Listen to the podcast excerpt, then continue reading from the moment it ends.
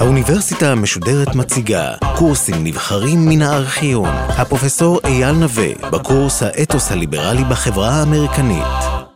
שנות החמישים הם שנים של מבוא למלחמת האזרחים ולטרגדיה הגדולה ביותר שאירעה אולי בהיסטוריה האמריקנית. למעשה שנות החמישים התחילו בפשרה. נראה שפתרו את נושא הטריטוריות. אבל לא כך היה. לא כך היה מתוך סיבות רבות ומגוונות, שאחד מהם זה שאיפותיו הפוליטיות של סנטור מאילינוי בשם סטפן דגלס. דגלס רצה להמשיך וליצור איזשהו קונסנזוס סביבו שיאחד צפון ודרום. ולכן הוא הציע חוק שנועד למשוך גם תמיכה של הצפון וגם תמיכה של הדרום. החוק הזה נקרא חוק קנזס נברסקה.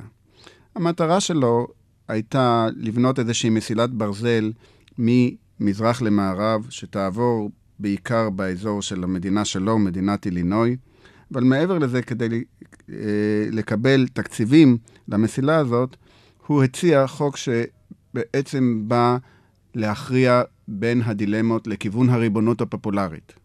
היינו, מה לעשות בטריטוריות? הטריטוריה תחליט. כשהטריטוריה תגיע לשלב שבה היא יכולה להיות מדינה, היא תקבע בחוקה שלה אם היא רוצה להיות מדינה עבדותית או מדינה אה, חופשית. סביב החוק הזה החלו הוויכוחים המעניינים בינו לבין פוליטיקאי צעיר ממדינתו בשם אברהם לינקולן, שהתנגד לחוק הזה. וכך, אה, סביב החוק הזה, לינקולן צובר איזשהו מוניטין לאומי שלא היה לו קודם לכן. אבל החוק הזה בסופו של דבר עבר. דגלס הצליח להעביר את החוק, משום שמתונים בצפון ומתונים בדרום קיבלו את הגישה שלו, כל אחד מהעמדה שלו, שהחוק הזה הוא מעין הרע במיעוטו, שנותן אפשרות עדיין לטריטוריות בעתיד להיות או כאלה או, שכא... או, או אחרות. דגלס אבל כמובן לא לקח בחשבון שהנושא כבר היה מאוד טעון. הנושא הזה של העבדות היה מאוד טעון בקרב הרבה חוגים, הן בצפון והן בדרום.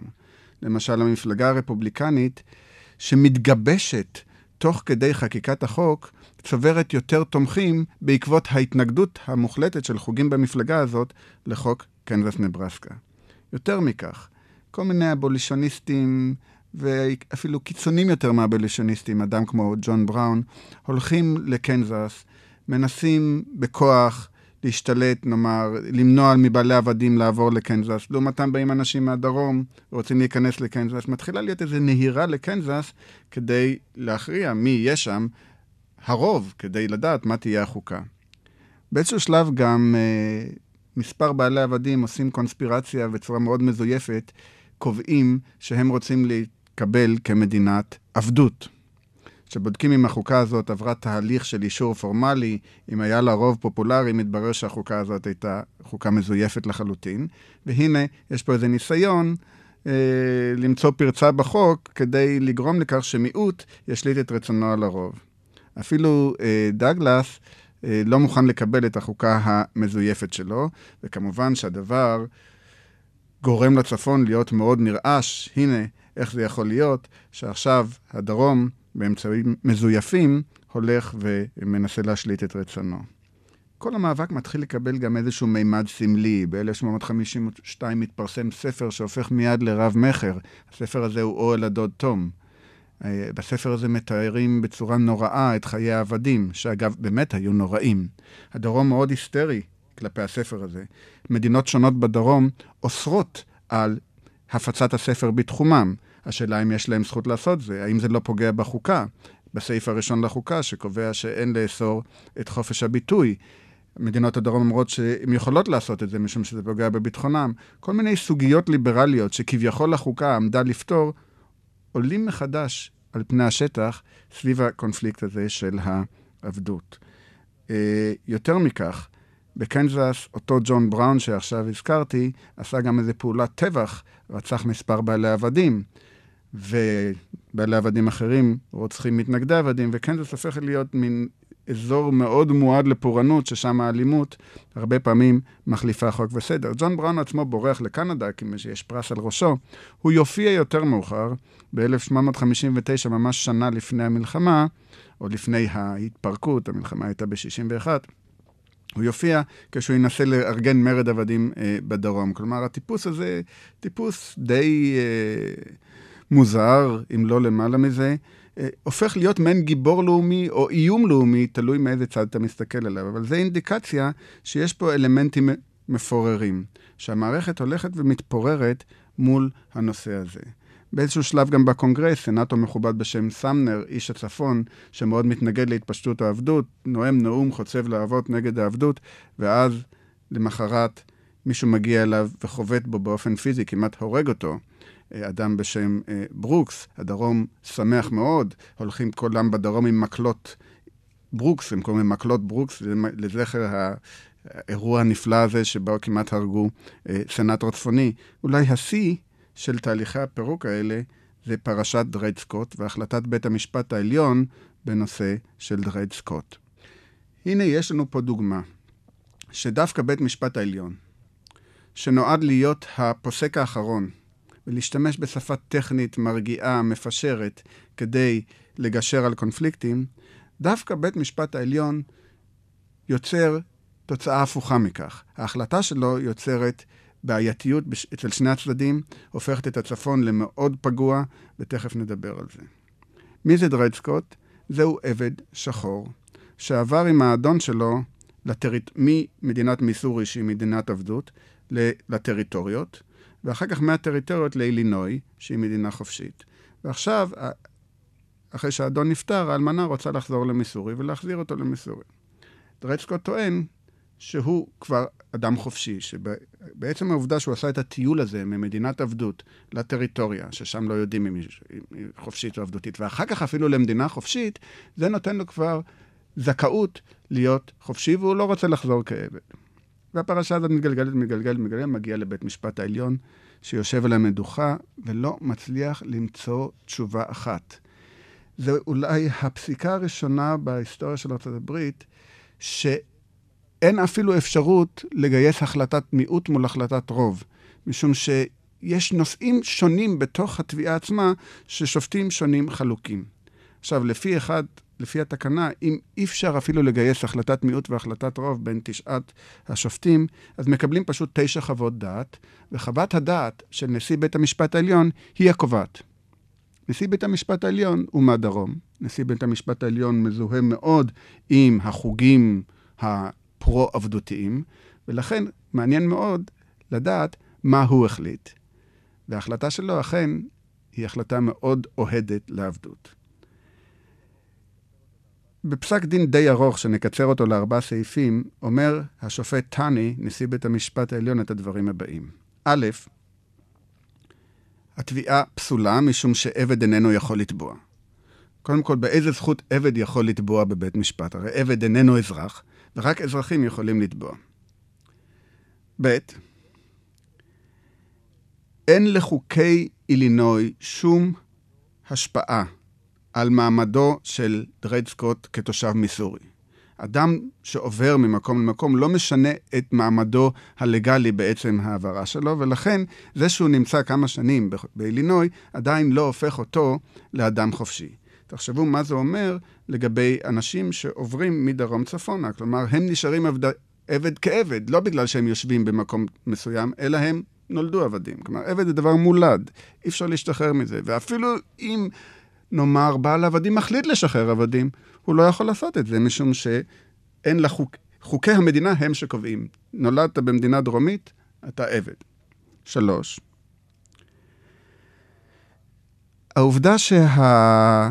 העבד הזה גם היה בטריטוריה, היא עובדה חסרת משמעות לדעתו של טני, משום שהקונגרס לא יכול לתת סמכות לטריטוריה שהיא נרחבת יותר מסמכות של מדינה. וכך לקח טני, ובמחי יד פשוט פסל את כל עיקרון הריבונות הפופולרית של, של דגלס. אין דבר כזה ריבונות פופולרית, משום שריבונות פופולרית נותנת סמכות לטריטוריה, שהיא עדיין לא מדינה, לעשות דבר שאפילו מדינה לא יכולה לעשות את זה. לכן המערכת הפדרלית היא הקובעת, ולא המדינ... לא הטריטוריה, ולא הריבונות הפופולרית. בכך בעצם טען טני בפסיקה הזאת שכל רעיון הריבונות הפופולרית של דגלס הוא לא חוקתי, הוא בניגוד לחוקה. ודבר אחרון, טני לקח את החוקה וטען שאין סמכות לפגוע בקניין הפרטי של אדם ללא הליך חוקי הולם. זה סעיף 5 במגילת הזכויות. ומכיוון שהוא רואה בעבד קניין, הוא חושב שאם העבד הופך להיות חופשי בטריטוריות, הרי זה פגיעה בקניין הפרטי של בעל עבדים ללא הליך חוקי הולם, ולכן זה מנוגד לחוקה. אבל מכאן שגם כל פשרת מיסורי מנוגדת לחוקה.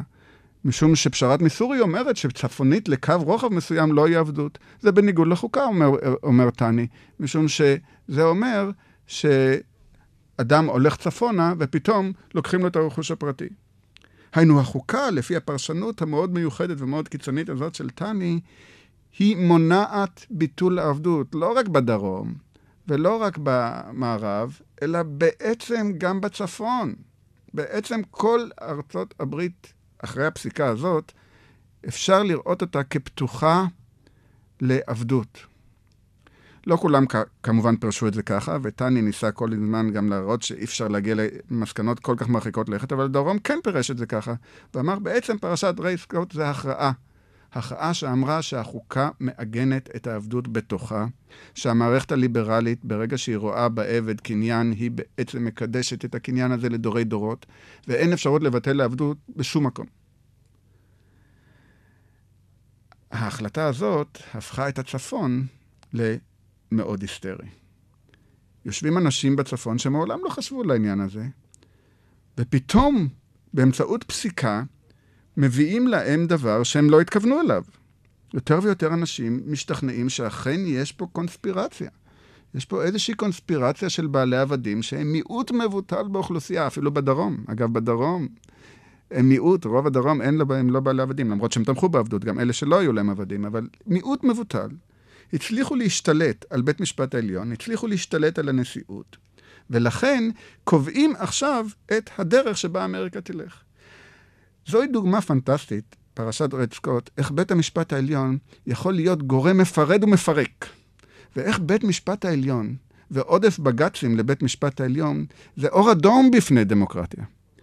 זה אומר שהמערכת הפוליטית כבר לא מסוגלת יותר, ואז פונים לבית המשפט העליון, ואז עם הסמכות הזאת של בית המשפט העליון, שאיננו סמכות דמוקרטית, אפשר לעשות דברים של פשרה, אבל אפשר גם להעצים קונפליקטים ופיצולים ואם גם יש לפיצולים האלה מימד טריטוריאלי, זה יכול להביא ממש לפירוק בין שני חלקים של טריטוריה מסוימת. והצפון הופך להיות מחוזני בעקבות החלטת בית משפט העליון. ומ-1857 יותר ויותר אנשים בצפון אומרים, אמרנו לכם. אמרנו לכם, אתם צריכים לתמוך במפלגה הרפובליקנית, משום שזאת המפלגה היחידה שהיא ברורה. היא נלחמת בהתפשטות העבדות. היא תגרום לכך שפרשות כאלה, כמו דרד סקוט, לא ימשיכו הלאה. והמפלגה הרפובליקנית צוברת עוצמה אדירה בצפון בין השנים 57-58 ועד הבחירות ב-1860. היא גם השכילה להעמיד בראשה כמועמד לנשיאות אדם מתון עם כושר רטורי נהדר, שהיה מעין מועמד פשרה בין אה, אנשי הצפון, צפון מזרח שדי שנואים על ידי צפון מערב, ואנשים מערבים שדי שנואים על צפון מזרח, מעין מועמד שמקובל על כולם בגלל שהוא יותר מדי מתון, וזה אברהם לינקולן. כשלינקולן מקבל את המועמדות, הוא כבר אומר שהוא לא בעד ביטול העבדות, אבל הוא בעד שמירת הברית, והוא בעד שמירת הברית כלשונה, כברית שמחויבת לחירות האדם, כברית שהיא סמל לעולם להמשיך ולעקוב אחריו, כברית שיש לה אלמנט אוניברסלי, ולכן הברית איננה יכולה לראות בעבדות דבר לגיטימי. במקום שהוא נמצא, אומר לינקולן, שתישאר. הוא לא יפגע במוסד. אבל אסור לתת לברית הזה, למוסד הזה להתפשט מערבה, ודאי שלא להתפשט למקומות שהוא לא נמצא. הנאומים של לינקולן שכנעו הרבה מאוד אנשים, את אותם אנשים שבכלל לא היה להם עניין בנושא הזה, אבל לפתע לינקולן מעלה אליהם את זה במלוא החריפות. ואכן, בבחירות ב-1860, לינקולן מנצח. הוא מנצח בגדול, בין היתר גם בגלל שהמפלגה הדמוקרטית, שהחזיקה מעמד בלתי מפורקת במשך עשר שנים, מתפרקת ב-1860. מתפרקת לצפונים ודרומיים. מצד אחד, דגלס הצפוני, שלא מוכן לקבל את פרשת רד סקוט כמובן, וגם רואה בזה ביטול לעקרון הריבונות הפופולרית שהוא תמך בה. מצד שני, אנשי הדרום, שהם חושבים שצריך להמשיך בדרך, הדמוקרטים הדרומים צריכים להמשיך בדרך הקיצונית יותר, לא לוותר, לקבל את פרשת רד סקוט, והם ממנים נציג אחר. ואז המפלגה מתפצלת לשניים. לדמוקרטים צפונים ולדמוקרטים דרומיים. אחר כך מגיע עוד איזה מועמד של מדינות הגבול, שהוא לא רוצה בכלל להיכנס לסיפור הזה, הוא קורא לעצמו Union Party, ובעצם בבחירות ב-1860 יש ארבעה מועמדים, לא שניים. ברגע שיש ארבעה מועמדים, ברור שלא יהיה מועמד שיקבל את רוב הקולות. אבל כאן יש לנו שיטה נפלאה, שיטת האלקטורים, שאומרת, לקחת מדינה, לקחת את האלקטורים של המדינה הזאת. ואחר כך כשסופרים את המדינות, המדינות המאוכלסות, יש להן באמת הכי הרבה אלקטורים. והתוצאה של הבחירות של 1860, שלינקולן קיבל את רוב האלקטורים, רוב מוחלט של האלקטורים, כך שהבחירות האלה הן חוקיות לעילה ולעילה, מבחינה פורמלית. ומבחינת הקול הפופולרי, לינקולן קיבל פחות מ-40% מהקול הפופולרי, משום שהיו עוד שלושה מועמדים. הכי הרבה כמובן, אבל פחות מ-40% מהקול הפופולרי. וזה יצר אצל הדרום טענה שהבחירות לא לגיטימיות, למרות שזו טענה שאיננה עומדת בשום מבחן פורמלי. ברגע שלינקולן נבחר, בנובמבר 1860, אנחנו נכנסים לתקופה הקריטית של ארבעה-חמישה חודשים בין ההיבחרות של לינקולן לבין השבעתו בשנה שאחרי זה, מרץ 61. אסור לשכוח שהנשיא עדיין הוא הנשיא הקודם, ביוקנן, שהוא דרומי, שהוא בעל עבדים, ושמלוא הסמכויות בידיו. אבל לינקולן ייכנס לנשיאות בעוד מספר חודשים. מה קורה ברגע הזה? מה קורה בארבעה חודשים האלה? אלה חודשים קריטיים. מיד אחרי בחרו של לינקולן מודיעה דרום קרוליינה שהיא פורשת מהברית, ומבקשת לפרוש בשלום ולהתייחס לשני הסנטורים שלה בוושינגטון כאל שגרירים. דרום קרוליינה טוענת שגם החוקה מעניקה לה אפשרות לפרוש מהברית בשלום. משום שהיא נסמכת על פרשנויות מצומצמות לחוקה שאומרות שהריבונות היא בידי המדינה, ומדינה מחליטה להצטרף לברית או לפרוש מהברית. דרום קרוליינה כמובן מנסה לשכנע עוד מדינות בדרום ללכת בעקבותיה. ולכן יש איזשהו תהליך שבו מנסים למצוא פשרה ורוצים לדעת מה לינקולן חושב כדי למנוע את הפרישה הזאת. לינקולן בשלב זה כנראה הגיע למסקנה שהפרישה היא בלתי נמנעת. והוא מנסה לשתוק רוב הזמן, כדי להראות שהפרישה היא בלתי נמנעת, אבל הפרישה בעיניו היא מרד. התוצאה, שאחרי דרום קרוליינה פורשות עוד מספר מדינות, מדינות הדרום העמוק, וזה עוד לפני שלינקולן מושבע אה, לנשיא. ואחר כך פורשות מדינות נוספות בדרום הגבולי, לא כולן. מעניין שלא כל מדינות העבדות פרשו. למשל, מיסורי נשארה בברית. למשל, מרילנד כמדינת עבדות נשארה בברית, וכך אגב הצילה את וושינגטון די.סי, שאחרת הייתה, בירת ארצות הברית נמצא, נמצאת בין שתי מדינות פורשות, וירג'יניה מדרום ומרילנד מצפון. אבל מדינות רבות פרשו, והם הקימו קונפדרציה ביניהן. עכשיו, לעניין הזה יש משמעות חוקתית, משום שהם חוזרים לתקופה הקדם-חוקתית, לתקופת הקונפדרציה. הם מקימים את הקונפדרציה האמיתית של מדינות עצמאיות, חופשיות, שבאות באיזשהו יחסי גומלין ביניהם ויוצרות איזשהו חבר ביניהן, מעין קונפדרציה שבה אף מדינה לא מתערבת בענייני אחרת, ובכל זאת יש להם משהו משותף של ענייני חוץ וענייני ביטחון. מדינות הקונפדרציה רוצות שארצות הברית תכיר בהם כמדינות עצמאיות. כמובן שפה לינקולן נכנס לעובי הקורה ומנסה להראות שהדבר איננו לגיטימי. בנאום ההשבעה שלו הוא אמר שהוא לא יפגע בעבדות, חוז... וזה כבר נאום ההשבעה, כבר רוב המדינות פרשו. והוא קורא להם לחזור לברית, ולא יקרה שום דבר, ושלא ידאגו, והמוסד יישאר מוסד, ואף עבד לא ישוחרר כתוצאה מזה שהוא נשיא. אבל כמובן, המוסד הזה יוגבל למקומות שהוא כבר קיים. הוא לא יתפשט. זה הוא לא מוכן שיהיה. הוא טוען שאין לקבל את תופעת התפשטות העבדות, משום שברמה העקרונית, אם מקבלים את תופעת התפשטות העבדות, לוקחים עוול והופכים אותו לנורמה. אומרים זה בסדר. צריך להתייחס אליו כעוול. עוול שיש להגביל אותו. עוול שיש לתחום אותו. עוול שיש לחיות איתו, כן? אבל עוול. כי אם נחשוב שהוא לא עוול וניתן לו אפשרות להתפשט, אז כל הדגם שלנו בעולם כולו, אומר לינקולן, עומד על אה, בסיס מאוד רעוע. וכל הרעיון שלנו זה מדינה שבחירות נולדה, ולא נותנת לגיטימציה לעבדות. לינקולן מצליח לתמרן את הדרום לכך שהם גם פורשים וגם יורים את הירייה הראשונה. וזאת כמובן ההתקפה של אנשי דרום קרוליינה על מבצר פדרלי. עכשיו, גם הפרישה וגם הירייה הראשונה הופכת את כל האקט הזה לאקט בלתי לגיטימי, ואז לינקולן קורא כמובן להתגייסות המונית כדי להגן על הברית מפני המרד. הוא קורא לזה מרד. ואז מתחיל המרד, שאגב, זו מלחמה עקובה מדם, מלחמה הנוראה ביותר הברית חוותה, מלחמה שפיצלה משפחות, שהרסה רכוש, שבעצם הרסה את הדרום לגמרי. מלחמה שגבתה יותר מחצי מיליון הרוגים ויותר ממיליון וחצי נכים ופצועים. מלחמה באמת נוראה. מבחינת כמויות לא היה תקדים להרס כזה והרג כזה בחברה האמריקנית. ארבע שנים של מלחמה, עם המון קורבנות והרס נורא, עם פיצול ברמת הקהילה וברמת המדינה וברמת המשפחה, שהסתיימה בסופו של דבר בקניית הדרום וברצח הנשיא לינקולן עצמו, שנחשב בדין על ידי מספר אנשים כקורבן הגדול והאחרון של אותה מלחמה שבה אלוהים ניסה את האומה האמריקנית והיא עמדה בניסיון. כמובן, במהלך המלחמה, או לקראת סופה, העבדות בוטלה. לא רק הוגבלה, אלא בוטלה באקט של הנשיא, שביטל את העבדות בכל הטריטוריות המורדות, ואחר כך תיקון לחוקה שביטל את העבדות גם במקומות הלא מורדים, גם באותן מדינות שנשארו מדינות איחוד. המלחמה הביאה להרס כלכלת הדרום, ולשקיעתו בעוד מאה שנים של פיגור יחסי כלפי יתר האומה.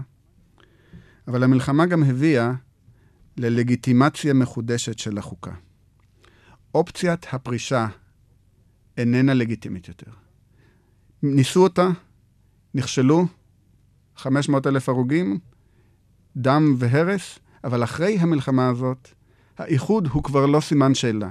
אולי כדאי לצטט לסיום הספד של המשורר של המלחמה, וולט ויטמן, ללינקולן.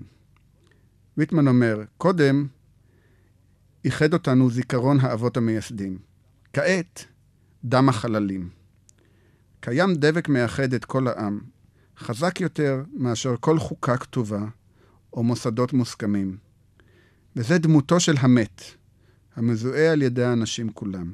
דווקא קרבות, סבל, דם, מרטירים, אפילו רצח, הם אלה שבונים ומעצימים לאומיות